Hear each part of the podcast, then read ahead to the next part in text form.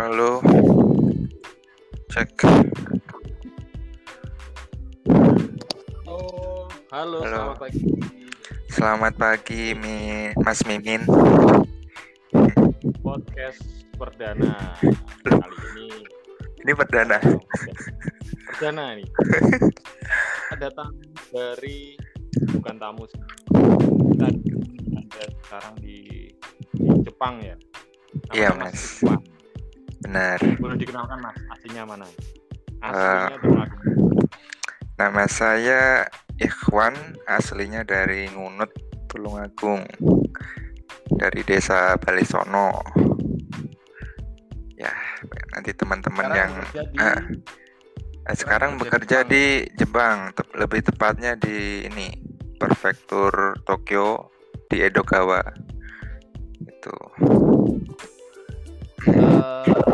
Mungkin ini apa ya sekarang kan lagi rame di Tulungagung itu eh, apa ya rame-rame new normal rame-rame new normal terus malam juga Hmm.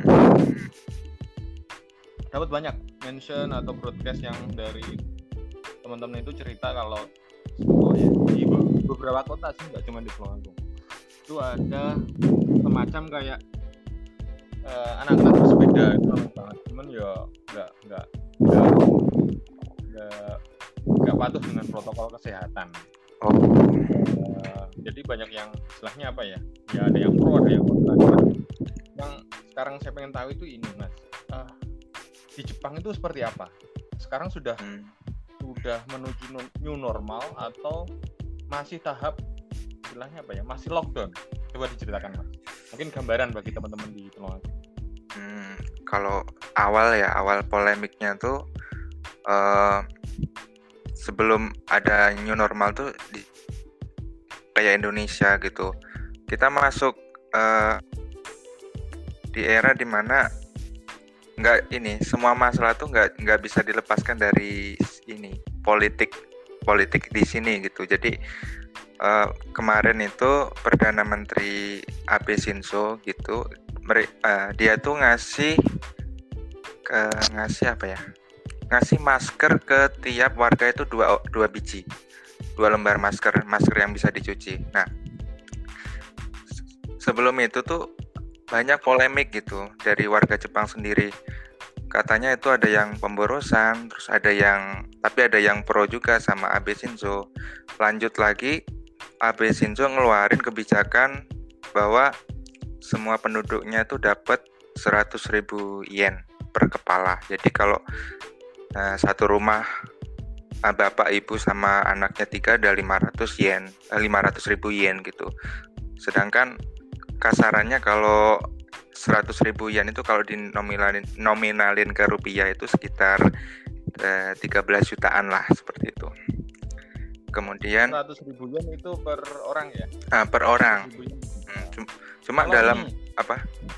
ah, saya- maaf saya potong kalau 100 ribu yen itu kalau di sana itu bisa hidup berapa hari? Kas kasarannya berapa lah? Anu maksudnya apa ya? Hmm, 100.000 rata-rata yen. rata-rata. Hmm.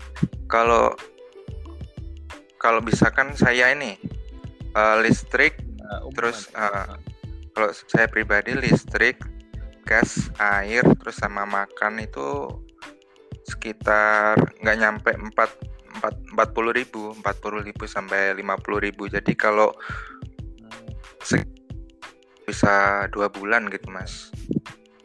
Oke kalau di di di Indonesia sih eh, di Tulungagung itu rata-rata memang dapatnya kurang lebih sama 600 ribuan kalau nggak salah. Hmm. Ya Iya, gambaran sama ya, ya. Hmm, gambaran. itu ya tapi 600 ribu itu per kepala eh bukan per kakak kalau nggak salah oh kalau saya kakak nah terus Ini, Mas. apa ya Ah, coba coba Nah, se- sebelumnya sebelum keputusan ngasih 100.000 ribu per kepala itu ada polemik lagi. Jadi karena mayoritas nggak bisa dilepaskan dari warga asing yang bekerja di sini juga. Nah, dari warga Jepang sendiri ada yang per, yang kontranya bilang "Eh, mereka kan penduduk ini bukan penduduk asli sini. Kenapa mereka juga dapat uh, 100 ribu yen gitu? Yang pronya bilang mereka kan juga bayar pajak gitu. Harusnya setara dong sama uh, kita sebagai warga Jepang gitu. Cuma akhirnya alhamdulillah udah disetujui gitu. Baik warga asing maupun lokal sini dapat. Itu. Iya. Kalau untuk ini mas apa ya uh, bedanya pekerjaan nih pekerjaan jenengan? Pekerjaan dinas uh, sebelum sebelum pandemi. Nah yang sekarang itu uh, bedanya apa? Hmm, kalau perbedaannya nggak ada mas. Kalau saya tuh kan ini care caregiver kan. Kalau istilahnya tuh perawat lansia gitu. Jadi kerja sistem kerjanya juga shift jadi nggak bisa nggak ada pengaruh sama sekali maupun ada corona atau enggak gitu. Cuma kerja lain kayak kita nyebutnya di sini ini salaryman uh, apa salaryman ya. Nah mereka libur kebanyakan work from home. Itu hampir sama kayak Indonesia apalagi ini ya yang di sana itu yang kebanyakan yang saya lihat dari berita itu uh, apa yang sangat besar apa ya yang berdampak itu kan maksudnya jadi korban itu kan uh, yang lansia ya kalau nggak salah. Bener mas ya? Oh bener mas bener. Terus apa maksudnya yang dari yang dari istilahnya jangan kan tiap hari terlibat sama lansia nih. Bener ya? Betul? Iya bener. Hmm, itu apa yang istilahnya apa yang di mungkin kedutaan Indonesia yang di sana atau pemerintah Jepang sendiri itu seperti apa untuk untuk biar nggak nggak sampai uh, tenaga kesehatannya nggak sampai terkena lah istilahnya. Hmm, kalau dari perusahaan saya pribadi ini mas, sebisa mungkin jangan keluar dari kita nyebutnya prefektur sini ya, jangan sampai keluar ke tempat umum gitu. Terus kalau tiap masuk kerja itu kita harus diukur uh, suhu suhu terlebih dahulu gitu. Dan bahkan sebelum berangkat kerja harus diukur suhu di rumah masing-masing. Nanti kalau lebih dari berapa sih? 37,5 apa ya. itu nanti diliburkan gitu. Takutnya kalau misalkan ini uh, kita carrier ke, ke orang ini orang lansia ini ini yang ditakutkan itu gitu soalnya mereka ini kaum kaum rentan gitu oh. untuk ini mas. Ini mungkin di luar di luar ini ya. Sekarang anu apa istilahnya? Uh, ini kan temanya tentang covid. Cuman oh, iya. yang saya pengen tahu uh, situasi ekonomi sekarang itu seperti apa? Situasi ekonomi. Saya melihat saya melihat uh, kemarin tuh dapat info Jepang itu kan apa ya? Hmm pertumbuhan apa ya GDP-nya atau berapa itu kan minus ya kalau. Iya benar-benar. Hmm. Maksudnya situasinya seperti apa di sana? Di sana pabrik-pabrik itu apa? Warung-warung atau masih buka nggak? Kalau warung, kalau situasi ekonomi saya nggak bisa ini sih mas ngasih. Karena nggak keluar ya? Oh, nggak nggak bisa ngasih gambaran secara umum gitu soalnya nggak begitu update sama ekonominya Jepang gitu. Tapi masalah yang sering yang di kayak infotainmentnya sini itu yang hmm. pertama ini kita tuh yang di Jepang tuh tahun bulan kemarin itu gagal. Kita kan menghadapi gelombang kedua di sini. Sekarang tuh makin makin banyak gitu sampai sekarang tuh sekitar berapa ya? 16.900an kasus kan Sam terus yang meninggal sekitar 890 kalau nggak salah. Tapi yang sembuh juga banyak sekitar 14.600an itu yang pertama. Yang kedua ini eh, pada bulan covid ini warga Jepang yang bercerai gitu. Aneh. Oh, anu ya apa? Uh, faktor mungkin apa ya? Ya faktor, faktor mungkin atau... ekonomi gitu mungkin. Berarti Soalnya uh, uh, itu banyak yang di rumah ya? banyak yang di rumah mungkin yang awalnya ini mas orang Jepang yang laki-laki kerjanya dari pagi sampai sore gitu mungkin di rumah nggak begitu lama terus lockdown ini seharian mungkin kerja dari rumah keganggu sama anak terus tekanan sama dari istri mungkin jadi stres ya mungkin ya. Biasa work from home. Iya iya. Uh, itu ya di apa ya istilahnya negara maju juga enggak apa ya enggak enggak beda. Sebenarnya di sini juga mungkin orang di sini mungkin enggak enggak apa ya enggak istilahnya apa ya nggak nurut. Istilahnya cuma nggak nurut. Nggak nurut. Sih tapi virus ini benar-benar nyata mas ya. Maksudnya kadang orang kan nggak percaya. Hmm. konspirasi pokoknya konspirasi. Tapi kan ya gitu ya siapa gitu maksudnya. Saya juga nggak nggak percaya sih cuma semua semua negara mengalami. Hmm. iya sih mas. Aku tuh kalau lihat ini yang bahas corona itu konspirasi itu sebenarnya bingung gitu. Kadang kalau lihat realitanya seperti ini langsung tuh sedih gitu. Apalagi kita berhadapan langsung gitu. Kasihan aku. Oh ini anu mas. Uh, di Jepang masih berapa lama? Di Jepang ah, kontrak awal itu empat tahun mas. Ya? satu tahun ya? Ini udah jalan satu tahun. Hmm, ya. Kurang tiga tahun. Teman-teman yang bagi teman-teman mungkin yang kenal Mas Ikhwan ini bisa follow akunnya. Ikhwan Nur kalau nggak salah. ini sekarang kita ketemu. Kita sebenarnya nggak nggak nggak nggak cuman dari istilahnya nggak cuman admin dan follower. Kita sebenarnya sudah ketemu. Kita yeah. sudah pernah ketemu dan pernah makan makan bareng. ya. Oh ya. memang... Mak makasih loh kemarin tuh jamuannya Mas Adi ya.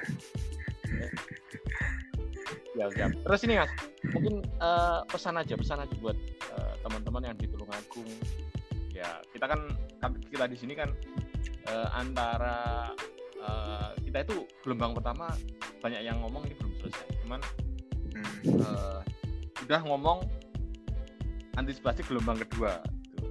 tapi di Jepang sendiri sebenarnya uh, risetnya sendiri uh, apa istilahnya uh, gelombang pertama dan gelombang kedua itu benar-benar dijelasin nggak sih kalau di sama pemerintah sana?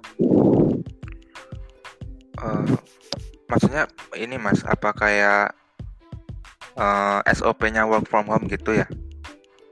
Bukan, uh, maksudnya gini. Uh, kalau di sini kan serba ini nggak nggak jelas. Gelombang pertama atau gelombang kedua itu nggak jelas. Jadi ini masih gelombang mungkin pertama, cuman udah mulai di new normal. Nah, di Jepang sendiri kayak gitu per peralihan dari menuju new normal itu apakah ada istilahnya pemerintah itu sudah mulai kapan? Tahu itu ada? Ada mas, uh, kalau nggak salah sebelumnya itu tanggal tanggal 8 kemarin itu udah diputuskan kita mulai ini kayaknya kayak new normal gitu loh. Tapi per prefektur atau daerah itu nggak sama. Sampai di perusahaan saya tuh bilang uh, kalau normalnya kan setiap seminggu sekali itu ada kunjungan dari keluarga pasien ke pasien gitu. Nah, kita ngasih tahu ke keluarga pasien uh, tanggal 8 udah mulai boleh kunjungan. Ternyata setelah tanggal 8 jumlah kasus bertambah gitu. Oh, Jadi iya. dibatalin, semua dibatalin lagi akhirnya. Hmm. Sampai sekarang gitu.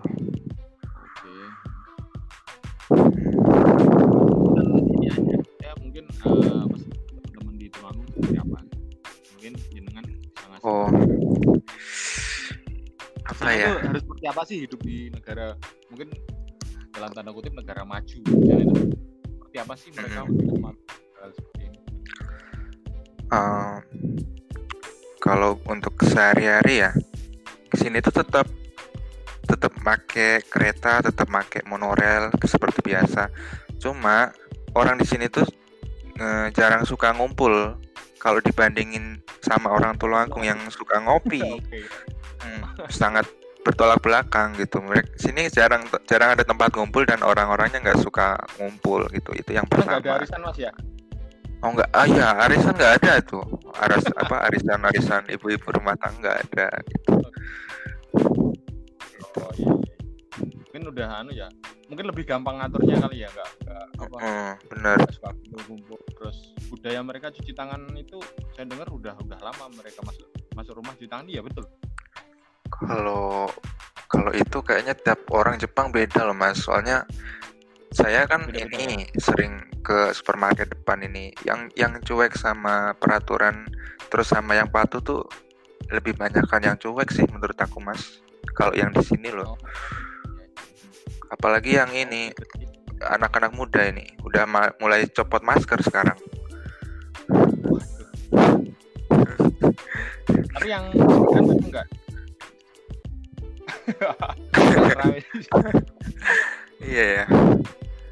Di sana apa yang apa istilahnya yang naik umum tetap banyak atau yang naik pribadi yang lebih banyak sekarang semenjak ini sih mas relatif normal sih menurutku So- soalnya sama aja. Eh, sama aja gitu.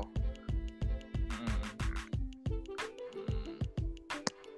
oke deh. Ya wes Oh, iya, mas. ya atas waktunya Eh, makasih.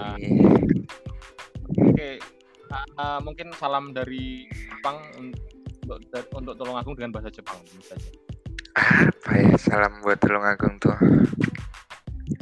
Hai, kalau misalnya nggak diajak ngobrol sama ini bingung mas. Suruh ngomong sendiri. Apa ya?